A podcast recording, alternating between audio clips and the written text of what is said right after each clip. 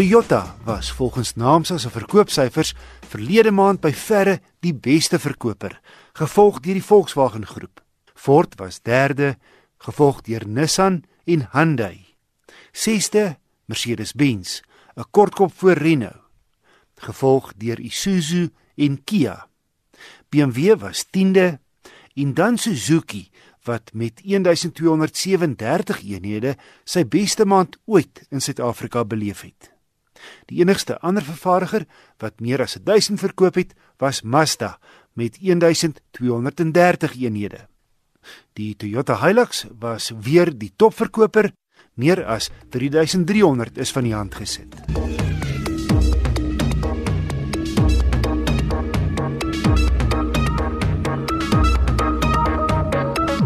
Volkswagen se plaaslik vervaardigde Polo Vivo is 'n weggol sukses. Sedert hy in 2010 by die City Golf oorgevat het, is 200 000 eenhede verkoop wat hom Suid-Afrika se gewildste passasiersvoertuig maak. Dis nie die Toyota Hilux en Ford Ranger wat gewoonlik beter verkoop. Met die bekendstelling van die splinter nuwe Polo vroeër vanjaar wat ook in Uitenhaag vervaardig word, het Volkswagen ook 'n nuwe Vivo bekendgestel. Dis sy beproefde resep. Wanneer 'n nuwe model op die mark kom, behou jy die vorige ene. So wat ons van 2010 tot 2017 as die Polo geken het, is nou herdoop as die Polo Vivo. Minus 'n paar wilde items en 'n bietjie minder klankdigtingsmateriaal en behalwe vir die duurste model, ouer generasie engines van die vorige Polo Vivo. Maar belangrik, alles teen 'n aansienliker laer prys. Ek het die Vivo 1.6 Highline gery. Aan die buitekant is dit net 'n kenner wat die nuwe Vivo van die vorige Polo kan onderskei. 'n Effe ander rooster en liginlate voor.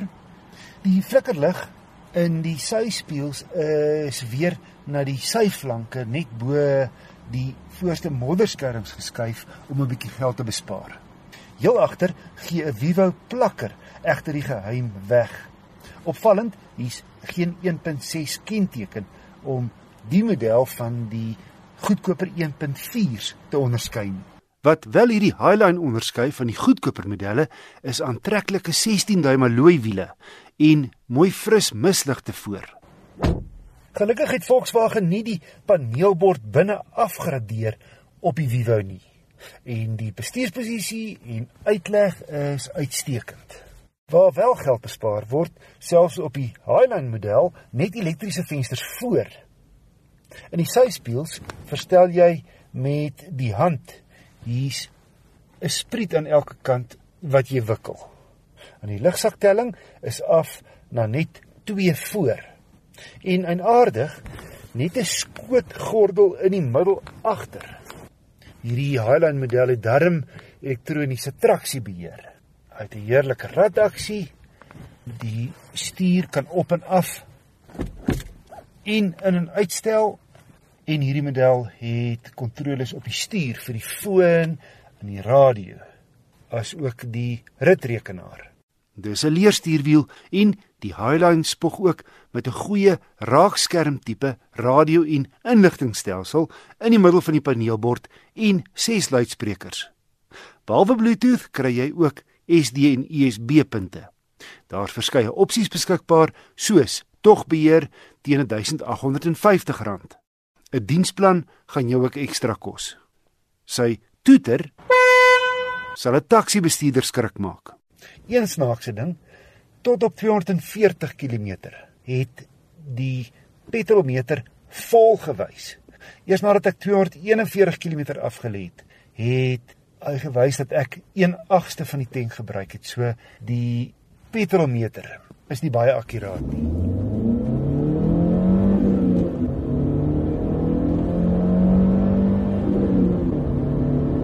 Die 77 kW 1.6 se kraglewering is billik en die gemiddelde brandstofverbruik op my standaard stad en ooppadroete het op 6,5 liter per 100 km uitgewerk. 'n Ander Polo Vivo sterkpunt is die ritgehalte. Dis uitstekend. Die Polo Vivo is 'n groot werkverskaffer in ons land. Nie minder nie as 76% van die onderdele word plaaslik vervaardig. Selfs die engines word hier gemaak. Die 1.4 begin by R182200. Hierdie luxer en kragtiger Highline 1.6 kos R216900.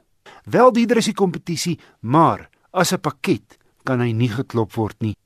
Dis nou wanneer jy faktore soos sy spasie, 'n soliede gevoel, sy netjiese voorkoms binne en buite en gevoel van kwaliteit in ag neem. En gegee sy ruimte, is die Polo Vivo in effek 'n besigment voertuig wat aan die bokant van die A-segment meeding. In die finansiëel uitdagende tye is die Volkswagen Polo Vivo 'n belangrike rolspeler.